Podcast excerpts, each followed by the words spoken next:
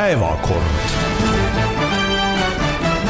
tere, head kuulajad, Päevakorra saade alustab stuudios nagu ikka Eesti Ekspressist Urmas Jaagant ja Grete Lehepuu ning Maalehest Hindrek Riikoja.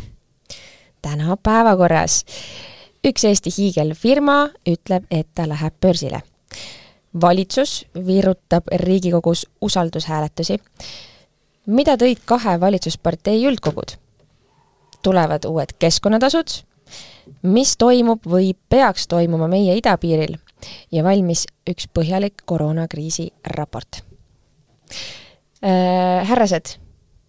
kuidas täna tööle jõudsite, kas äh, jalad olid juba lörtsilõga täis? Urmas ei tahtnud üldse rääkida ilmast ja teeoludest, eks ole, aga me Gretega surume ruttu selle teema sisse, papud on märjad, minul ilusasti kuivasid kuivasid radika peal. see on lihtsalt halvad jalanõud. Jah, selles on tükk tõde muidugi küll, et nad on niisugune, pigem niisugune kevad-sügis saapad, aga see pole tegelikult tähtis, see esimene tormiöö, kui oli, paljud küsisid, kas siis oli torm? ma sõitsin öösel trajektooril Kiili-Tallinn-Vaidla ja oli küll tormi oli. Ja kella ühe ajal Kiilis oli ilusti tehtud esimene puhastusring ära, Tallinnas puhastusautod vurvasid, aga kus loomulikult ei olnud ühtegi puhastusautot, see oli Tallinna kõige liiklus- või Eesti kõige suurem maantee, Tallinn-Tartu maantee, Tallinna ringtee, loomulikult ei olnud seal mitte midagi teha, kui ma hommikul tööle tulin, siis ma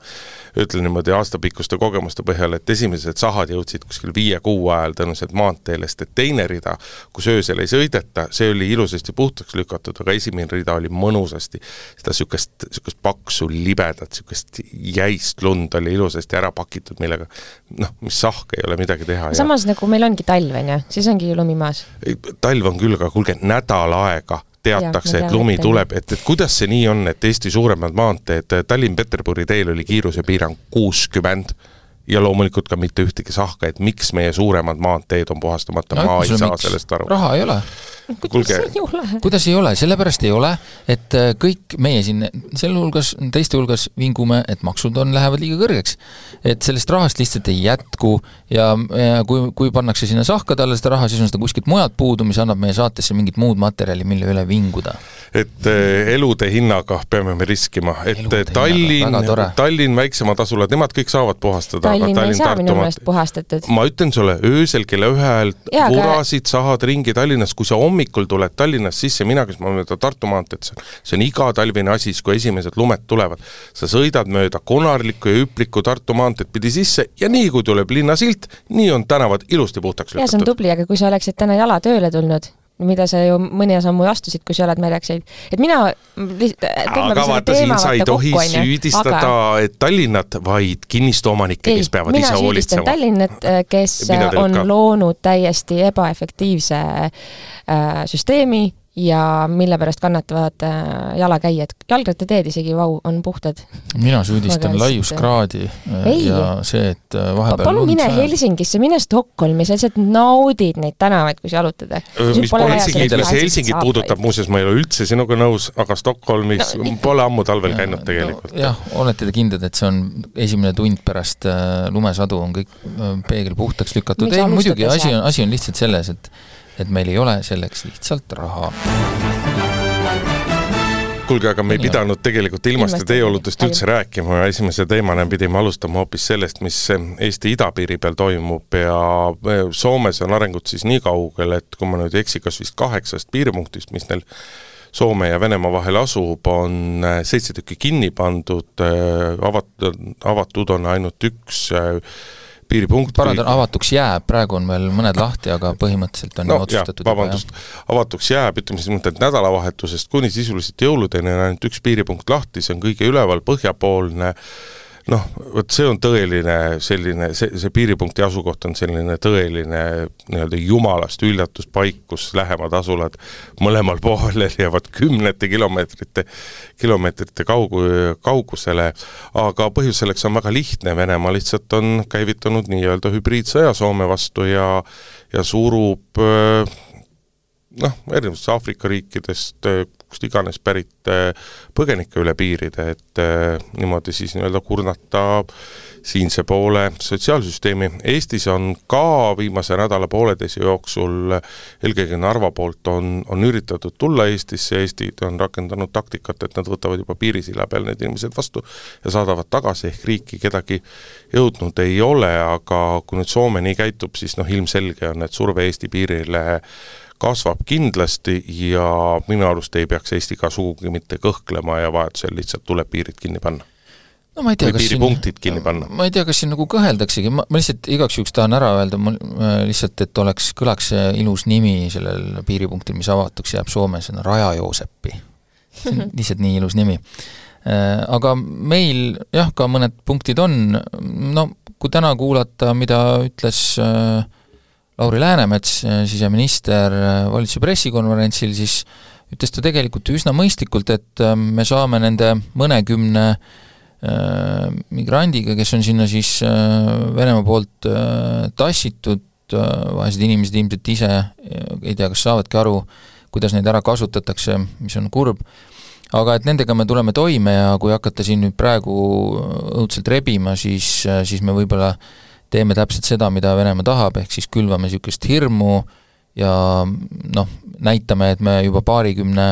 inimesega nagu oleme jõuetud, et ma ei tea, kas me peame sellega nagu tormama, kas seal on mingit erilist vahet, et kas ta, kas see piir on kinni või me ei lase neid inimesi sealt lihtsalt niisama nagu läbi, et äh, mina ei tea, mulle tundub, et võib-olla me ei pea kiirustama,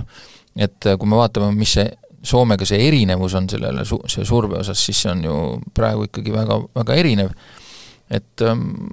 noh, see võib tulevikus suureneda, aga küllap siis ollakse, nagu ka Läänemets kinnitas, ollakse valmis ka need piirid kinni panema, et et selles suhtes ma ei näe nagu ka põhjust, et me peaksime siin nagu kuidagi hakkama ennetavalt tormama, et ähm, võtame rahulikult. jah, ma juba kuulsin neid ähm,, seda hädakisa, mis seal teemaga on, et, et oi,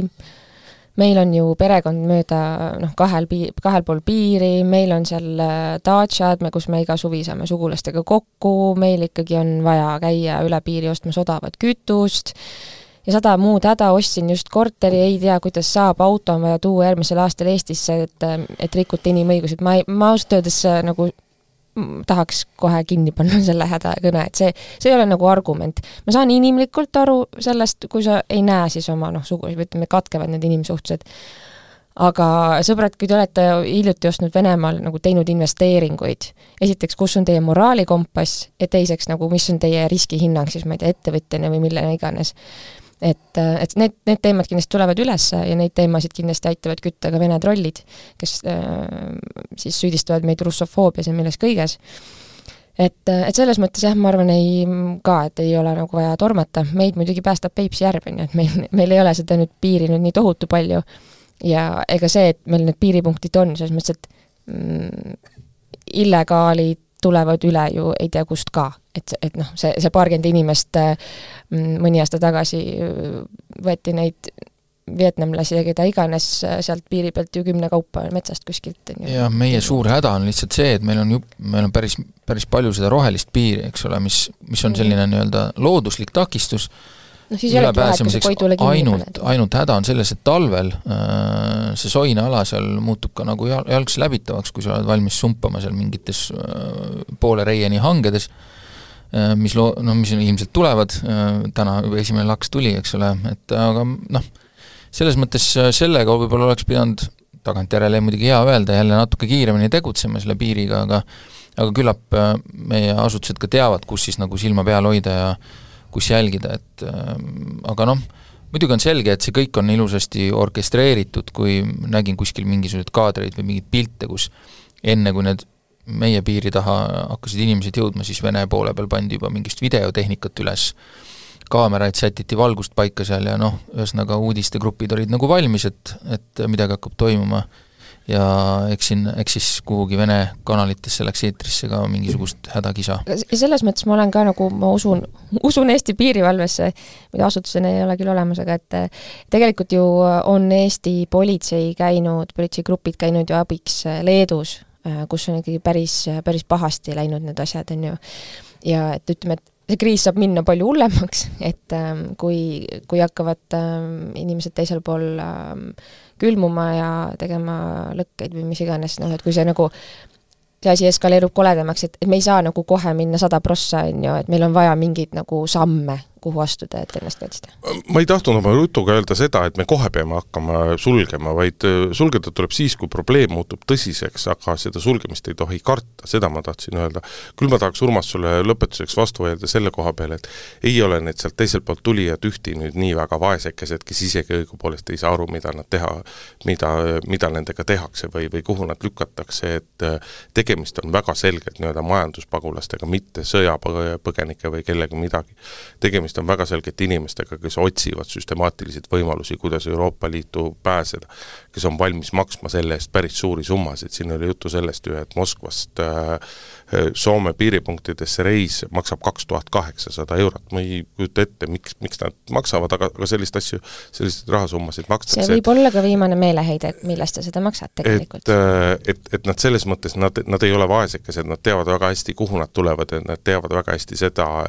seda, et nad ei äh, et, et see ei ole nagu õiguspärane ja seaduslik, mida, mida nad teevad, et selles mõttes me ei saa nagu suhtuda, et oh, need vaesekesed, võtame nad vastu, et see ei ole kindlasti ei, ma ei pidanudki seda silmas, et võtame vastu, vaid lihtsalt, et, et neid kasutatakse selleks nagu ära, isegi kui nad seda ise, ise soovivad.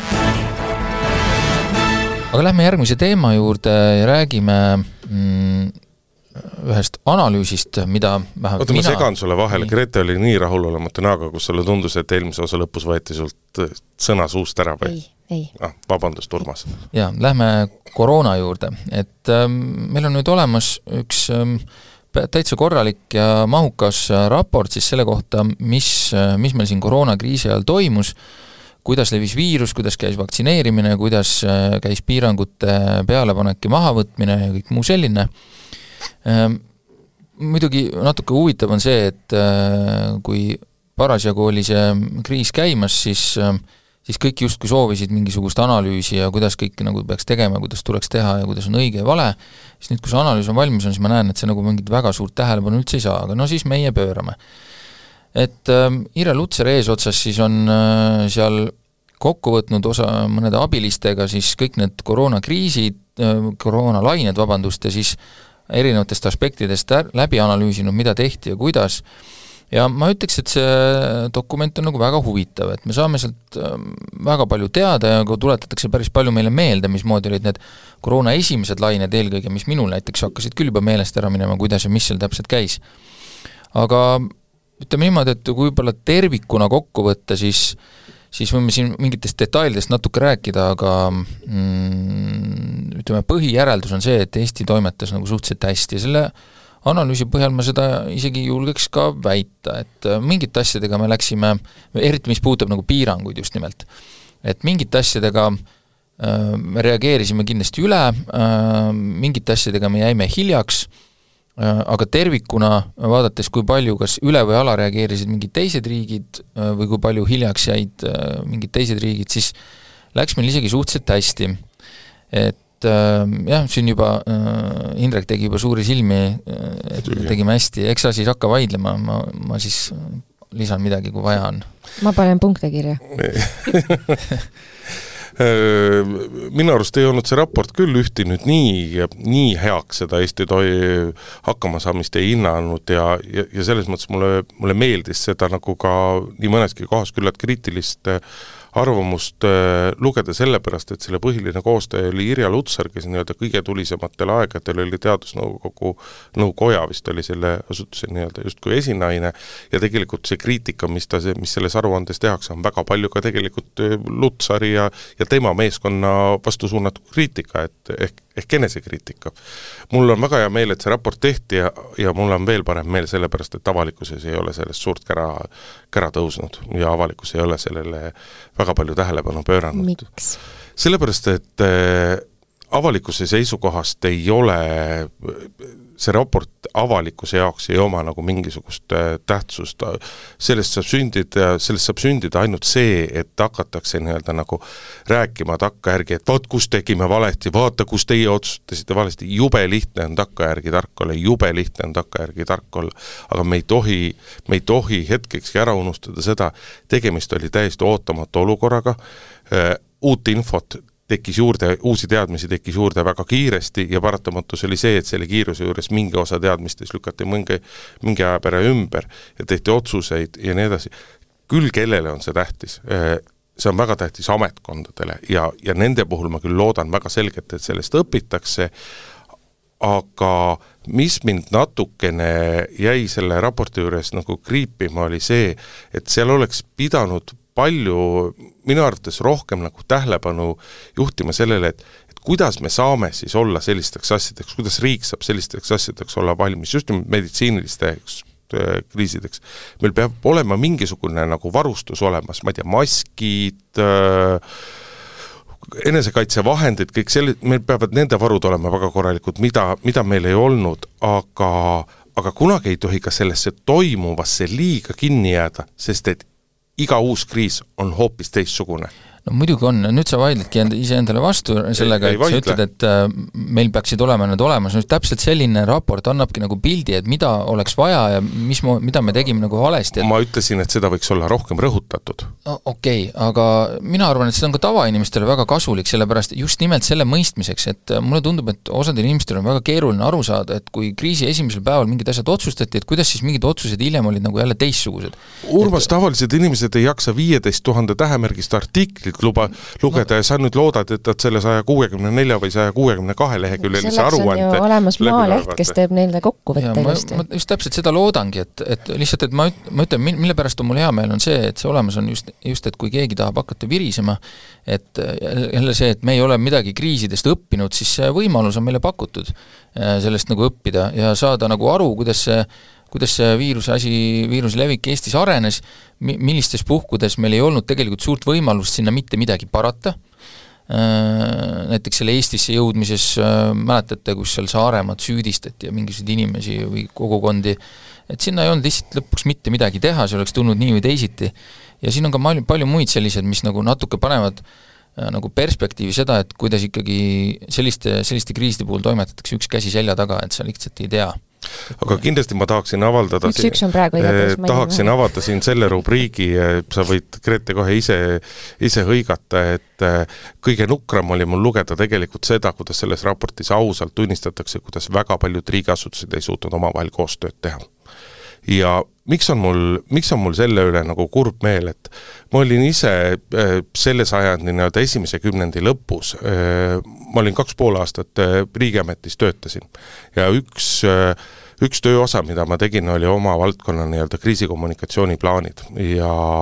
ja, ja tegelikult kõigis ministeeriumites, kõigis asutustes tegeleti tollel ajal väga palju nii-öelda kriisiküsimustega, kriisikommunikatsiooni, reageerimine, erinevad asjad aga kõik need asjad jäid nendesse, jäid tegelikult nii-öelda nendesse majadesse sisse ja sellist nii-öelda sellist koordineerimist ja, ja, ja seda ikkagi praktikas ei olnud. et tegelikult peaksid olema noh, see, kuidas reageerida tollel hetkel, see teadmine oleks pidanud olema kõigis riigiasutustes ja see oleks pidanud olema läbi katsetatud, aga kogu see protsess jäi, jäi poole peale seisma, ega ma tean isegi sellest, et mina koostasin paberid, lahkusin ministeeriumist ennem, kui need vastu võeti, aga ma tean, et veel viis aastat hiljem lebasid need paberid samas järgus ikkagi sealsamas kohas ja nendega midagi edasi ei tehtud, et et riigil on tegelikult olnud kümne-kahekümne aasta jooksul väga palju aega ja võimalusi sellisteks olukordadeks ette valmistada, ennast ette valmistada ja kurb on lugeda, et seda teha ei suudeta. No sellepärast ei suudetagi, et, et tulevad mingisugused uued ju asjad. Ja meil on, meil on nii õhuke riik et et kui tuleb uus minist-, minister uute eesmärkidega, siis noh, lükataksegi vanad võib-olla on ju kõrvale. jaa, selles mõttes mulle ka meeldis see raport, et ta ei olnud väga raskepäraselt kirjutatud, oli nagu väga ausalt ja, ja Luts-, Irja Lutserlikult äh, algusest ütles ka, ma püüan ikka olla maksimaalselt objektiivne ja ma usun, et ta ongi, et või noh, ta teab ju, millest ta räägib, et äh, mul on hea meel, et temalt nagu koguti seda, seda peegeldust. ma ei ole nagu palju teile lisada, et äh, eks ajakirjandus sai ka oma koslepi on ju siin raportis ja, ja võib-olla me võiksime ka jah, toimetuses korra nagu tagasi mõelda sellele, aga samas mm, no et mi-, mis ajakirjandusele ette heideti, on nagu mingisugune paanika külvamine või, või mingisugune, siin oli mitte, mitte pigem seda, vaid seal oli pigem öeldud, et me ei tegelenud äh, ühiskonna rahustamisega ja,. jah, jah, jah, et jah, noh, võib-olla me ei tegele noh, üks asi, kas see on meie ülesanne, aga me räägime ajakirjandusest, meile meeldib ju rääkida siiski, et meil ei ole mitte nii-öelda klikid, reklaamiraha ja lugejate arv, vaid on ka missioon, üllad aated ja ideed, kes paneb selle oma lehe päisesse, kes niisama ütleb välja. ütleme, et rahustada saab näiteks teadmine, et äh, plaanid on olemas, struktuurid töötavad, ei ole kallutatud jõudusid ja nii edasi, on ju et ähm, ja lugege, kui te saate mahti ja mõelge tagasi äh, sellele, kui hea, et see aeg on läbi võib-olla. Pole veel päris kindel, kas äh, on sündimas uus rahvaaktsia, aga võimalus selleks oleks. Ähm, suur ettevõte Infortar lubab teha IPO, tuua end börsile äh, ja, ja ja see, see, see uudis ongi, mis, mis sel aast-, sel nädalal äh, tuli. Ähm, no eksperdid ütlevad, seda on nagu kaua oodatud, et Infortar on, ähm, on niivõrd suur ja, ja võimas äh, firma, tegutseb äh, kinnisvaras, energeetikas, transpordis, mm, mingi, mingi valdkond on mul nimetamata veel ähm,. no tahaks öelda, et ikkagi laevandus, sest et noh, Tallink on ikkagi selle ettevõtte või suur osalus Tallinkis on selle ettevõtte kroonijuveel ja mm -hmm, ja Eesti Gaasis ja, ja, ja jaa ähm,. Selles mõttes nagu ähm, mulle, mulle meenus see, kui Enefit Green hakkas tulema börsile ja siis äh,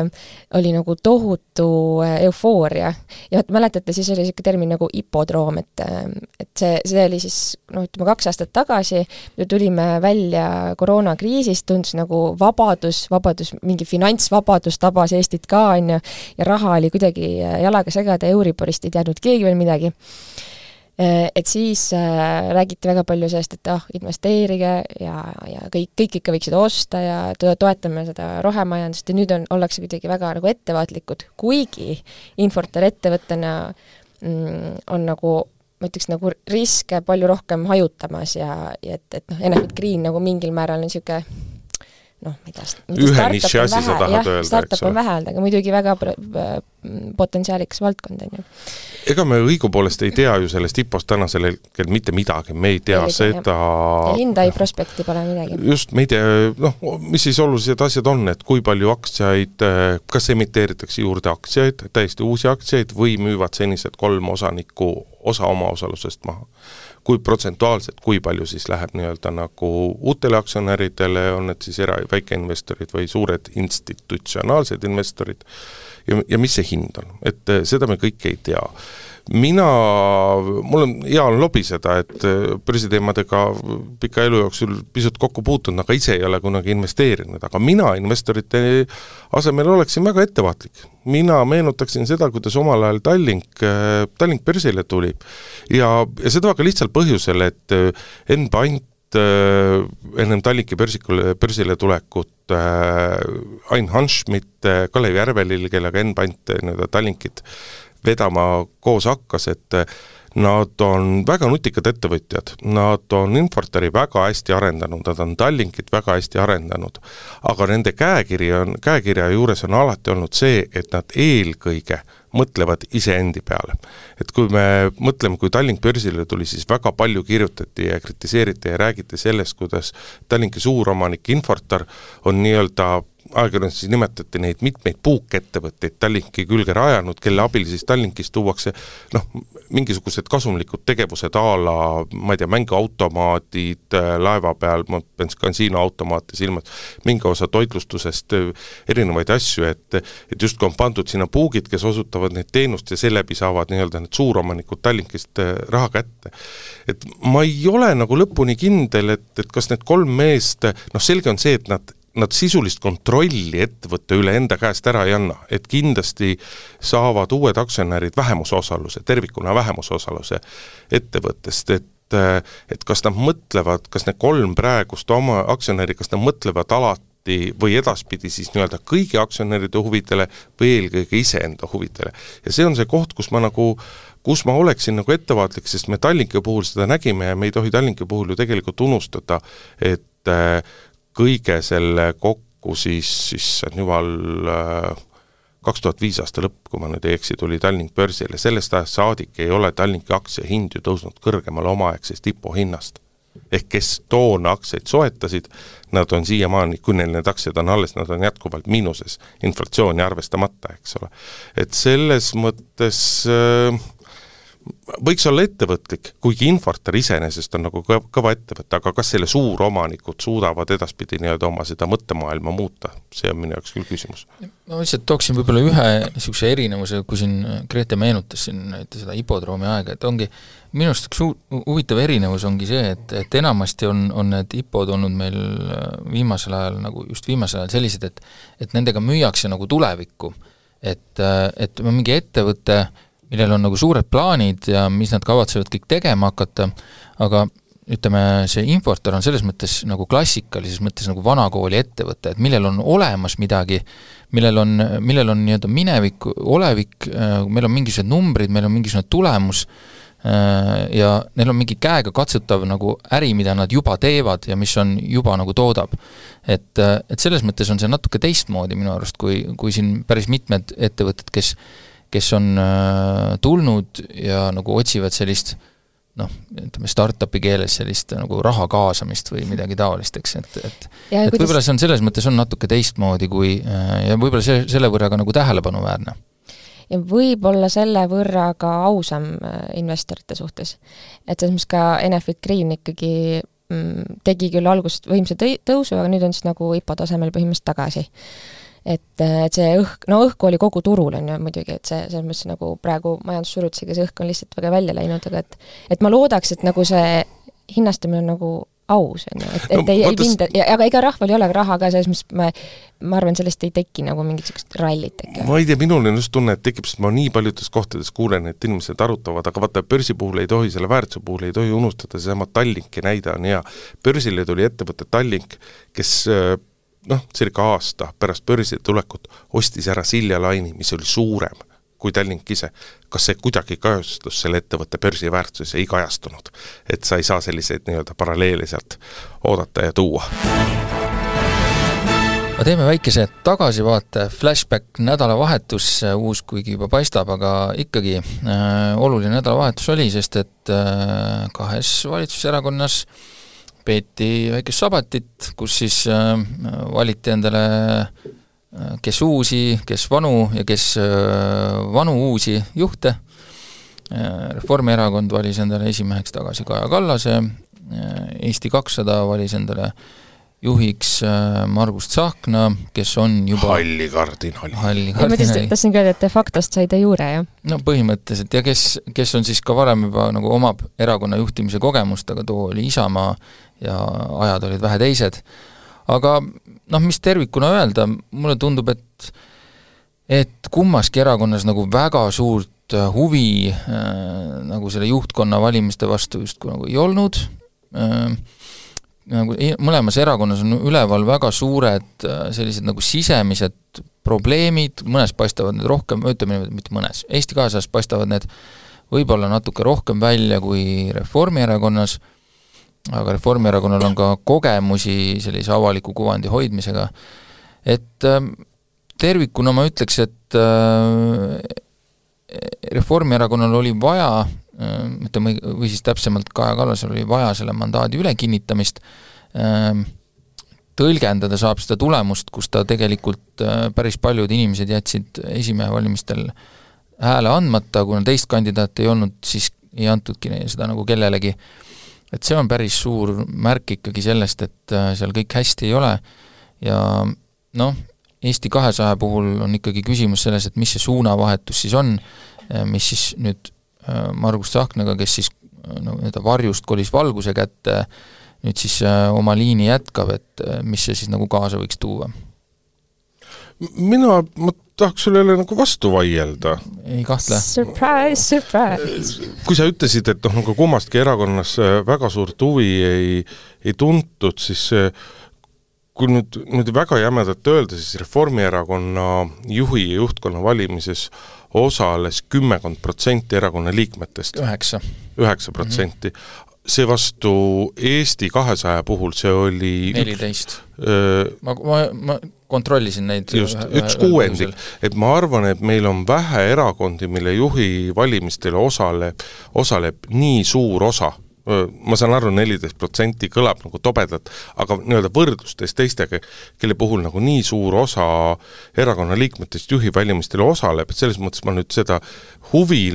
huvipuuduses Eesti kahtesadat küll ei, küll ei süüdistaks, küll mul tekkis nagu vägisi nagu järjest nagu rohkem tekib neid paralleele sellest, kuidas omal ajal äh, Tsaknast sai, toona ta vist oli Isamaaliit veel või? Või IRL. või oli IRL, no ühesõnaga, see, selle erakonna juht, et kuidas ta sai, kuidas ta siis läks ju ka nii-öelda koalitsioonilepingut avama ja ja valitsust raputama ja kõike seda, ja me ju teame, et ei lõppenud see selle erakonna jaoks ju su-, kõik sugugi mitte hästi, et kas ei ole ohtu Eesti, kas Eesti kakssada ei pelga, et kui nagu sammud on nõnda sarnased, siis lähevad noh, nendega võib ka kehvasti minna. Et kui ma, ma küll puhkasin eelmise nädala, aga, aga Margus Tsahknat ähm, mm, ikka jälgisid? ikka jälgisin kuidas siis muidu. Aktuaalse Kaamera e intervjuud kuulasin ma äh, temaga ja ma peaks ütlema, mulle nagu tul-, tundus see nagu niisugune ikkagi värske tuuleiil sealt ekraanilt, sest et ta silm säras, ta oli ikkagi väga enesekindel, ta ei lasknud Astrid Kannelil endale ette heita kõiki neid asju, mis sa Indrekist üles lugesid. et, et Eesti kahesajal on kuraaži kindlasti vaja praegu. muidugi jah, mis sellest nagu saab, see on, see on see teine asi, sest tal toona jätkus tal kuraaži. on ju, et ähm, jah äh,, aga, aga et mis see kuraaž toob kaasa ähm,, enesekindlust näiteks võib-olla valitsuses, on ju, me näeme praegu Kristina Kallas äh, ikkagi äh, hoiab käed puusas ja ei lase Kaja Kallasel äh, üle sõita õpetajate teema, palgateemaga. et, et selles mõttes ta nagu mm, noh, ma ei tea, kas see, ilmselt see oleks ka muidu, ma arvan, Kristina Kallas on ka muidu seal positsiooni suhteliselt nagu jäärapäine, aga et, ähm, et Eesti kahesaja puhul on see probleemi olnud, et nad kuidagi nagu on ära sulandunud sinna valitsusse. aga, aga et noh, muidugi ega see valitsuse nagu, see ei ole muidugi nagu eesmärk, mida ma tahaks näha, et voh, valitsus kõvasti nüüd nagu vaieldakse, et selles mõttes tuleb vaielda, tuleb ka kuskile välja jõuda. et kas nüüd siis ähm, et see lihtsalt nagu jonnimine jonnimise pärast ei ole ka hea toon, et ähm. mind, Eesti kahesaja tulemused mind ei huvita äh, või vabandust, mitte ei huvita, vaid sind ja veel viite protsenti. kuidagi eriti nagu noh, ei, ei köida, aga küll see Reformierakonnas toimunud ja seesama Kaja Kallase Kaja Kallasele antud häälte arv, mille üle nii-öelda justkui püütakse näidata, et kõik oli suurepärane, eks ole, et kõik oli ju väga hästi, mul ikkagi järjest rohkem on see keelel, et kust kohast jookseb see piir, kui see sisemine rahulolematus ikkagi, et seda sisemist rahulolematust hakatakse ka väljapoole peegeldama, sest et see on nii selgelt Reformierakonnas olemas, kas see koht on siis, kui Reformierakond toena toetus kukub viieteistkümnele protsendile või on see siis, kui kukub kümnele protsendile? ei, see on siis, kui kuskil... toimuvad Europarlamendi valimised, et sinnamaani hoitakse hambad ristis ja kannatatakse ära. ei no aga kuule, ei, ma sellesse nagu ei usu, et, et kui, et kui kahe või kolme kuu pärast, ütleme kevadeks on, on erakonna toetus neliteist protsenti, siis ma küll ei usu, et nad on valmis sellega minema Euroopa vastu sellise reitinguga ja sellise juhtimisega Euroopa Parlamendi valimisteni, et et, et millal, millal ükskord prahvatab vimm, mis peidus on salaja? jah, see on selles mõttes õige küsimus, et, et tõesti praegu, praegu jääb niisugune mulje, et et kuskil on mingi niisugune nagu justkui kollektiivne teadmine tekkinud sellest, et no küllap, äh, et me ei hakka esimest maha võtma ja Reformierakond seda tõesti nagu pigem ei tee, siis äh, millal inimene ise peab tänukõne äh, ja läheb, on ju, et, et justkui on kõik, on niisugune tunnetus, et, et see peaks nagu mingil hetkel juhtuma, aga jah, et kas, kas nagu sinnamaani siis nagu oodatakse ära ja lastakse sel olukorral, olukorral edasi olla, sest et noh, iseenesest seal on nii palju kogemusega inimesi, kes ei, ilmselt ei lase ennast väga, kellel ei võta nagu kuidagi selga märjaks see, et see, et see reiting praegu selline on, sest et noh, Reformierakonnal on ajaloost näidata mitmeid perioode, kus on sellised langused ja ka nii aga mitte nii madalad. no ka, ka peaaegu nii madalad. Et, äh, et see ei ole olnud ja takist-, ei ole kunagi takistanud sellel toetusel senimaani tagasi tõusta, aga see ei ole mingi näitaja, et seekord nii peaks minema ja ma arvan, et osad inimesed täitsa kindlasti niimoodi mõtlevad, et Kule, kas see seekord nii läheb. hästi, hästi kiire tähelepanek, et kas see, et valiti nagu see nagu vana raudvara tagasi juhatusse ja mitte eriti mitte üldse uut verd väga, on ju. kas see, see vist on ka nagu see ilming, et otsitakse mingisugust seda nagu tugiposti või mingit vaia, mis seda vana stabiilsust otsitakse just, tagasi. ja seda, seda jah. võib märgata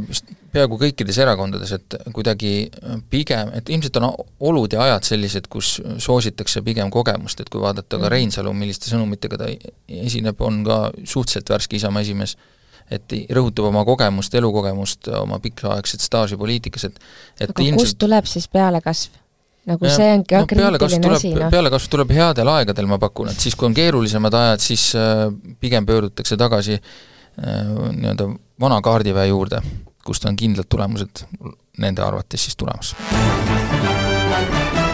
ei ole hõlpu Eesti äh, ettevõtetele nüüd, kus ähm, äh, käibemaksu tõusu hakkame alles ära lürpima, nüüd juba ähvardab uus, ähm, uus maks keskkonna saastamise eest äh, ja ennekõike on siis suurtele tööstusettevõtetele ja põlevkiviettevõtetele see äh, suunatud. Ja, ja loomulikult siis äh, ettevõtjate positsioon on see, et see kõik käib liiga järsku, liiga suure hüppega ja see toodab juurde inflatsiooni, sest kõik läheb kallimaks ja üldse ettevõtetel on väga raske ja kannatavad loomulikult inimesed ja tarbijad no ma noh, ma olen seda korduvalt siin öelnud ja ütlen uuesti, et nagu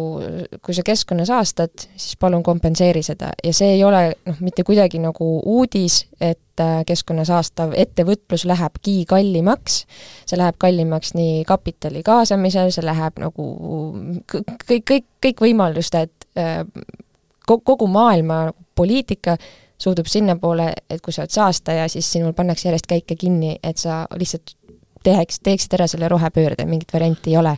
ja see ei saa tulla üllatusena, me võime vaielda selle üle, et äh, kas need üleminekud on liiga järsud või need, äh, või need maksud, tõusud on liiga suured, äh, need tasud, mida tuleb maksta, aga noh, kuidagi rääkida sellest, et oi, me peaksime ikka aega maha võtma, sõbrad, kui mitu aastat nagu ma, no ma ei tea, nii kaua, kui mina olen elanud, kogu aeg on sellest juttu ilmselt olnud, on ju, et see ei saa olla üllatus ja see, see on ettevõtlusrisk, mis äh, tuleb nagu juhtidel, millega tuleb arvestada teoreetiliselt võib sul õiguski olla, kuigi mina ennustan, et mingi aja pärast äh, see rohepööre praegusel kujul, mitte et ma tahaks vaidlustada seda, et rohepööret on vaja ja me peame sellele kõigile mõtlema, aga sellisel kujul see rohepööre vajub kõik sisinal kokku ja, ja, ja tulevad mingid uued, uued asjad. küsimus on selles, kuidas sa teed ja küsimus on selles, mis ajal sa teed, et kui me oleme poolteist aastat, kui me oleme, ei me,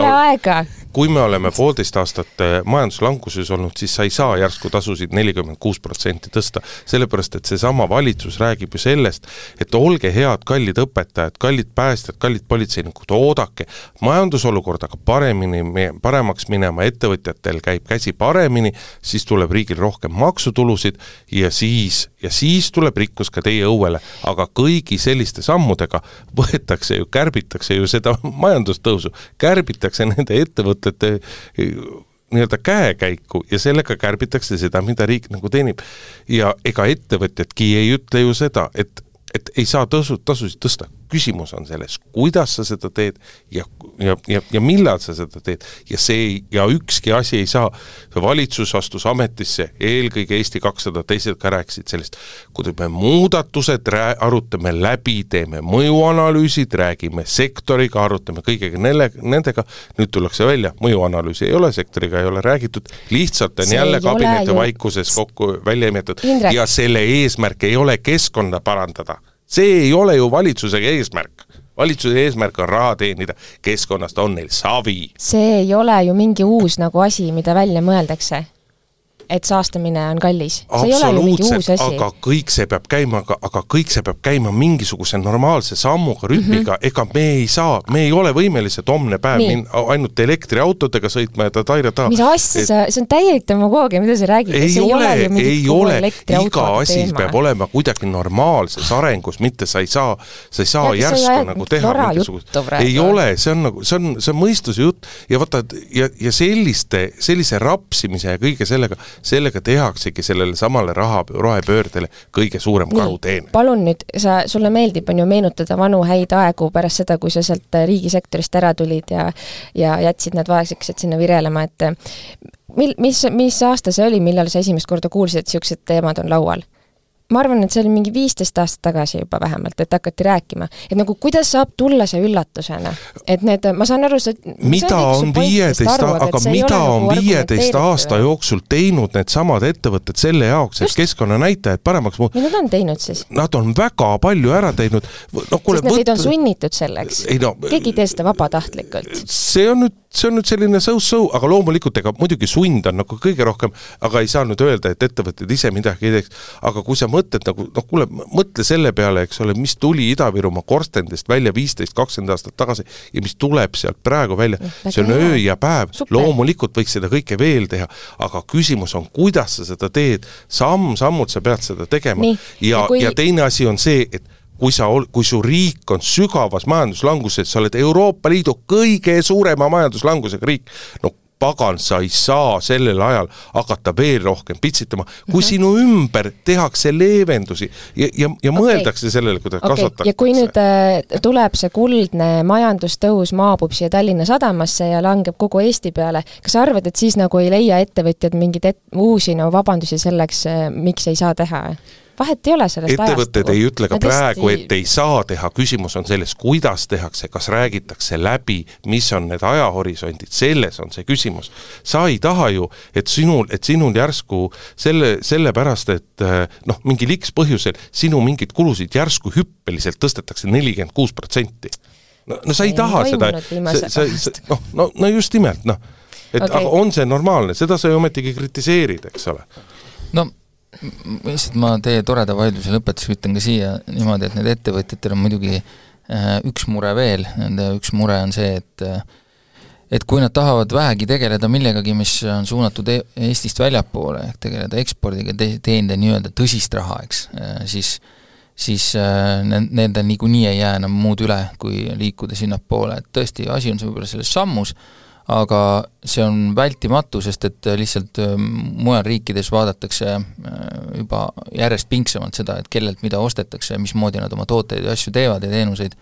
et äh, sinna liikumine on äh, ettevõtetel niikuinii paratamatu, muidugi kui neil see sund on juba nagunii väga suur sees ja, ja riik sellega, et ta kuskilt surub nagu veel, pistab ühe ora sinna tagumisse otsa, see ei tee midagi paremaks, küsimus on selles konkurentsivõimes ja selles kas... aga see ongi ju, seda Jurmas just ütleski ja ma püüdsin ka öelda, et see konkurentsivõimes ongi ju küsimus. jaa, aga selle konkurentsivõimega tegelevad ettevõtted juba nagunii ise, see, milline on, see, millised on riigipoolsed keskkonnatasud, see on järgmine küsimus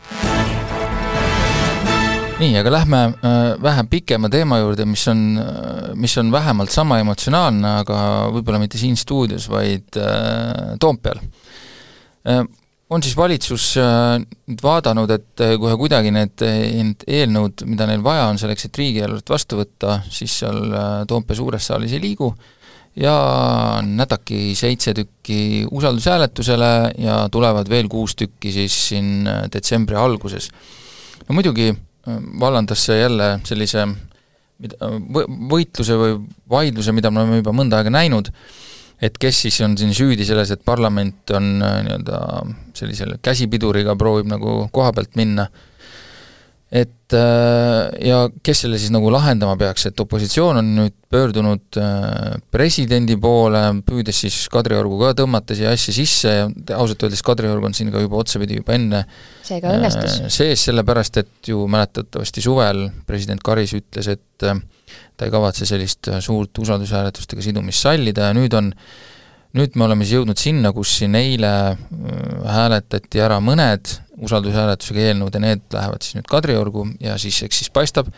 mida president teeb, ta on nüüd öelnud, et äh, mida ta teeb. ma ütlen vahele, et kokku tahab valitsus kolmteist seaduseelnõud, seitse eelmisest nädalast, seitse eelmise nädala otsusega, kuus selle nädala otsusega usaldushääletusega läbi siduda. jah, ja president on siis nüüd öelnud, et ähm, ega tal põhimõtteliselt tal põhja-, no ütleme, usaldushääletuse tõttu ta midagi äh, nii-öelda tagasi lükata, parlamenti tagasi saata ei saa, aga juhul, kui ikkagi need ei ole sellised, mis vääriksid seda usaldushääletusega sidumist, ehk siis ei ole seotud riigieelarvega, ei sõltu sellest, riigieelarve ei sõltu, tähendab neist, siis äh, võivad mõned ka tagasi minna, no selle peale on nüüd puhkenud jälle selline tingel-tangel, et ähm, kelle pool on siis president, äh, peaminister Kaja Kallas on öelnud, et nüüd on näha, et president on kuidas ta siis täpselt tsitaat nüüd oli, võtnud EKRE positsioon, no võtnud EKRE positsiooni ja asunud nende poolele, jah. no jah, ma ei tea, kas see nüüd oli tark nagu otsus peaministrist? kui palju tarku otsuseid on üldse viimastel, äh, viimastel nädalatel, viimastel kuudel just eriti oma väljaütlemiste poole pealt meie president, vabandust, meie peaminister Kaja Kallas teinud, et neid tarku otsuseid ikkagi tuleb nagu tikutulega taga otsida, et sealt tuleb ikkagi üks lapsus, üks äh, teise rumaluse nagu otsa ja otsused president... vast mitte, aga sõnavõtud veidi on aga ma seda ütlesingi, et sõnavõtt, et, et, et seda kõike on ikka, seda kõike on nagu pagana piinlik kuulda ja ja kui, ja kui siiamaani on olnud nagu koalitsioonil hea võimalus öelda, et oi, meil siin opositsioon, eks ole, tasalülitab äh, parlamenti ja, ja muudab parlamendi töö võimetuks ja parlamendi töö mõttetuks ja nii edasi, siis selle, nende kolmeteist eelnõuga tegelikult teeb koalitsioon seda, et ta muudab parlamendi täiesti tähtsusetuks, täiesti mõttetuks organiks. et põhimõtteliselt võiks selle laiali saata ja sealt kuludest saaks igasuguseid toredaid asju teha ja inimeste palka tõsta. aga see on ikkagi, see on ikkagi nagu täiesti jabur ja, ja, ja ma olen jätkuvalt seda meelt, et eelkõige on see peaministri probleem, peaministri kui, kui peaministripartei esimehe probleem see patiseis ära lahendada. tema poolt peavad tulema esimesed sammud, tema poolt peab tulema kompromissi otsimine, sest et ta on kõigi Eesti inimeste, ta on kogu Eesti riigi peaminister, aga mingisugust valmidust selleks ei ole Mina... sa tahaksid muidugi ühest spekulatsioonist siin rääkida, aga võid rääkida pärast mm.. ma, ma räägiks presidendist, kas sa tahad rääkida? Räägi, räägi presidendist. et ma ei, ma ei saa nüüd hästi aru, et ühtepidi ma saan aru, juriidiliselt ei ole võimalik nagu äh, presidendil mitte seadust välja kuulutada lihtsalt sellepärast, et talle ei meeldinud. et tal on vaja ikkagi, äh, tal on vaatab, kas see on põhiseadusega kooskõlas, kas see vastuvõtmine oli nagu seaduspärane, on ju, et seda ta ju ise ütles ka, et ta ei saa nagu lihtsalt öelda, et kuna see oli usaldushääletusega, siis ei sobi. et seal on vaja leida mingeid muid nüansse, on ju. tead, see on muidugi kahe otsaga asi selles mõttes, et teised ütlevad, et lubatähte ei ole, aga keeldu ka mitte. ahah ahah, no vot, ja, ja ju siis selle pealt on ju, ta ütlebki, et aga ega mul see usalduse asi ikkagi ei meeldi. et kui ta nagu ühtepidi ta ütleb, et, et ta ei saa nagu seda noh, lihtsalt seda nagu protseduurika pärast äh, mitte mm. vastu võtta asju ja siis ta samas nagu ikkagi möönab, et tegelikult nii hakkab toimuma ehm,. Noh, ma ei tea, ma ei, sellega ma ei ole ka nõus, et president on kuidagi nagu opositsiooni äh, poolel, et kui olukord oleks kuidagi vastupidi, siis oleks ta on ju koalitsiooni poolel või noh, et ta on, ta on selle poolel, et see asi ära lõpeks ähm,, aga ma ei tea, me no. me nagu, me käime iga nädal sedasama ratast, on ju, ringi tagasi, et, ähm, et Kaja Kallas peaks tegema esimese sammu, aga EKRE-l ju ei ole tegelikult pakkuda mingit lahendust, on ju, ja noh, nii see ongi, et see, see, see kompromissi teine tahtsin, pool on, et ma tahtsin kahte asja öelda. et, et üks ongi see, mis ütlesid, et EKRE pole midagi pakkuda ja seda siin Indrek ka rääkis, et ähm, et peaks otsima nagu kompromissi, no seda, mida ütles Kaja Kallas täna valitsuse pressikonverentsil, ütles, et tema on kohtunud äh, EKRE esindajatega ja nad on siis talle öelnud äh, küsimuse peale, et mis te siis nagu tahate, on, nüüd on Kaja Kallase sõnad olid siis need, et EKRE poole pealt on talle öeldud, et lõpetage ära e-valimised. Ja seda, ja siis Kallas selle peale ütles, et noh, tähendab, ütles pressikonverentsis, et no aga see ei ole kuidagi sellega seotud, et et tõepoolest, kui, kui nüüd see on tõsi ja opositsiooni nüüd üks nii-öelda praktiline asi, mida nad tahavad, ma usun, et see nimekiri on tegelikult pikem, on siis selline asi, et e-valimiste äralõpetamine, siis see ei näi mulle ka nagu eriti konstruktiivne asi, mil-, millega, millega otsida siin sellist ühist lahendust. ja üks niisugune üldisem asi, mida ma tahaks siia veel öelda, millel on tegelikult võib, võib-olla täitsa praktiline tulemus, on, et äh, me näeme kõike seda tsirkust, aga mulle tundub, äh, mis puudutab just seda, et kas, kas Kadriorust tuleb midagi tagasi, parlament ei tule, asi, tegelikult võib seal olla selline seis, et see ei muuda suuremat mitte midagi selle koha pealt, et äh, siin ma olen aru saanud, et koalitsiooni poole peal on mingid juristid käinud seadusi väga täht-, tähelepanelikult lugemas ja leidnud sealt, et äh, seadused on äh, vastu võetud Riigikogus ja sellega ei sega, isegi kui need president saadab need tagasi, ei sega see enam riigieelarve vastuvõtmist, ehk siis seal ei ole, seadustes ei ole juttu äh, väljakuulutamisest, vaid on juttu seaduse vastuvõtmisest ja seadused on vastu võetud, kui nad usaldushääletusega saavad ära koputatud, nii et võib-olla me te-, tantsime praegu lihtsalt sellist udutantsu, kus, kus kõik saavad midagi öelda, aga selle tulemus on kõigil teada ja EKRE, EKRE nagu nii-öelda eesmärgile ei vii see neid grammigi lähemale, kas president sealt midagi tagasi saadab või mitte. vaata, ega see ongi, teatud mõttes see ongi udutants, sest et ega mis siis on lõpuks presidendi roll, presidendi roll ongi olla moraalne majakas. aga praegu on see probleem, et noh, et igasugune moraal lihtsalt on kadunud igalt poolt ja, ja, ja ega küsimus selles kompromissi otsimises ja kõiges selles, ega praegu ongi seda võimatu ja kõige suurem probleem on see, et kevadel, kui see veel oleks olnud võimalik, siis oli Kaja Kallase enesekindlus äh, upsakus lihtsalt niivõrd suur, et ta ei läinud midagi tegema. et ega ongi, teatud mõttes ongi õige, et see aeg on mööda lastud, aga ka kevadel oleks selle aja pidanud ära kasutama Kaja kas, Kallas peaministrina. ega kevadel ei olnud EKRE positsioon ju teine no nagu, ei, kuule, ei, ei, tuleta, tuleta Oi, nüüd kevadelt meelde. rääkima peretoetuseid ja siis abielusid ja mingit seadust. et opositsioon pakkus, opositsioon pakkus kevadel väga selged nii-öelda lahendused. ja üks nendest oli, et valitsus astub tagasi ja erakorralised valimised tulevad, see on nüüd küll kõva kompromissi pakkumine. see jutt tuli ikkagi alles päris, tuli ikkagi jupp maad hiljem, aga seal oli nii-öelda nagu ettepanekuid, mida tehti mis oleks aidanud nii-öelda sammukese, oleks kompromissi oleks leidnud, muidugi EKRE oleks mingisugustes asjades jäänud jaurama, aga vaata, kui jaurab üks, siis see on üks asi, eks ole, kui neid on rohkem, see on teine. et kevadel, see ajaaken oli kevadel ja Kaja Kallas lasi kevadel selle ajaakna mööda Oled ja midagi ei olegi teha. ikka naiivitar, et sa miks... arvaksid, et praegu oleks olukord EKRE vaates teine kui teine? mina arvan ka, et see ei oleks vähimalgi määral teine, sest et äh, kui EKRE on enda eesmärgina deklareerinud, et äh, see valitsus peab kukkuma nii või teisiti, siis äh, mina ei usu, et nad oleksid esitanud seal mingeid tingimusi, kus oleks midagi kokku lepitud ja nendele poleks järgnenud mingi järgmine, mida enam ei ärge uskuge seda, sellepärast et EKRE ei ole, EKRE ei ole ise võimeline ja ta saab, nad saavad sellest väga hästi aru, nad ei ole võimelised lõputult seda jauramist tegema, neil tulevad omad abikaasad lihtsalt kodus, ütlevad lõpuks, et meil on, vabandust, meil on nüüd kõrini sellest, et sa peamiselt magad Toompea lossis, aga mitte meie abieluvoodis. et, et selles mõttes, et sa nad ei ole võimelised patriootlikkust, mis on EKRE jaa, üks, üks teine, üks väga huvitav aspekt on selle kõige juures veel, mida, mida mina märkasin äh, viimastes reitingutes, et äh, huvitaval kombel on viimasel ajal teinud EKRE toetus väikese jõnksu allapoole, see on küll väga pisike ja alles siin viimastel nädalatel, aga miks, Urmas, huvitav, me ennustasime sinuga seda juba suvel, et see ükskord juhtub niimoodi, see mingil hetkel lihtsalt paljud EKRE nii-öelda inimesed väsivad ka sellest EKRE jauramisest ära no,. et hakkavad kaotama jõuda. nii Reformierakond kui EKRE sellest kõige rohkem. täpselt sinna ma tahtsingi jõuda, et äh, kui see nüüd peaks olema mingi väike trendikene, et see siin ka jätkub, et see ei ole ühekordne jõnks, siis minu arust on täitsa suur küsimus, et äh, et äh, mida EKRE nagu selle peale teeb, et see, et Isamaa siin praegu raketina üles sööstab äh,, noh, sellega me oleme siin juba viimastel nädalatel harjunud ja nad võivad saada ka sealt EKRE-st äh, tuge ühel hetkel, kui nad jätavad mõistlikuma mulje, nii et et selles mõttes EKRE-l varsti-varsti tekib mõtlemise koht, kui see mõne nädala jooksul peaks see reitingu langus siiski veel edasi minema, aga noh, si-, sinnamaani on veel, veel natuke aega oodata, aga praegu on juba nagu see koht, kus tegelikult võiks nagu kergelt mõelda, et äh, kas, kas on nagu mõistlik, kui see nüüd vastab tõele, küsida, ma ei tea e, e-valimiste ärajätmist või midagi sellist, et äkki peaks nagu päriselt kompromissi otsima. Ja ma olen sellega tõesti ka nõus, et äh, ei ole ka koalitsioon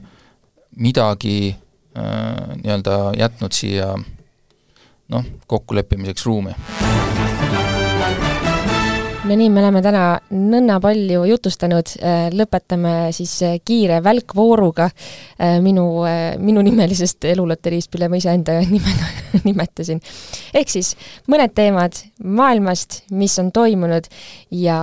lisaks ka siin kaassaatejuhtidele küsimus sel teemal, ma tõmbasin ratta ise käima ja hakkasin mingit demokraatiat teiega tegema ja Urmas saab lugeda ette ühe vahva uudise pealkirja. Nii, teadlased taasavastasid haruldase imetaja Attenborough pikaninalise sipelgaõgija jaa, selline lugu juhtus, et see, selle äh, nimeline loomakene äh, ta, ta näitas ennast nagu siis mm, kuuekümnendatel korraks Indoneesias ja noh, sipelgaõgijad, muidu need niisugused pika ninaga äh, loomad, need on ju meile tuttavad, sest need, neid teisi liike, neid elab ka seal Austraalias ja Uus-Meremaal, aga vot just seda seda liiki, keda kirjeldatakse niimoodi, et tal on siililoomased okkad, ta on see sipelgagi nina ja siis jalad on nagu mullamutil aga küsimus? teda, ei olnud palju nähtud. jaa, ta on imetaja, aga äh, temal on üks selline omadus äh,, mis ei ole üldse imetajale äh, omane. ja mis on see omadus, küsin ma teilt, mille poolest see imetajate äh, hulka kuuluv loom üldsegi ei käitu nii nagu imetaja? No ma ei tea, ma pakun siis, pakun siis, et ma ei tea, isane loom kuidagi imetab. Indrek ma ei oska, ma, ma lugesin seda uudist küll, aga vaata see asi mulle ei jäänud ja see on, see on nagu seotud tõesti järglaste saamisega? mina, ma pakuks, et nii-öelda traditsioonilises mõttes vahekorda ei astu vanemad pühast vaimust äh, sipelgõgijad siiski äh, ei äh,, ei, ei jää käima peale äh,. aga õige vastus on hoopis see, et nad munevad ja pärast siis oma järglasi ikkagi imetavad ja seda ikkagi teevad minu, minu teada emased.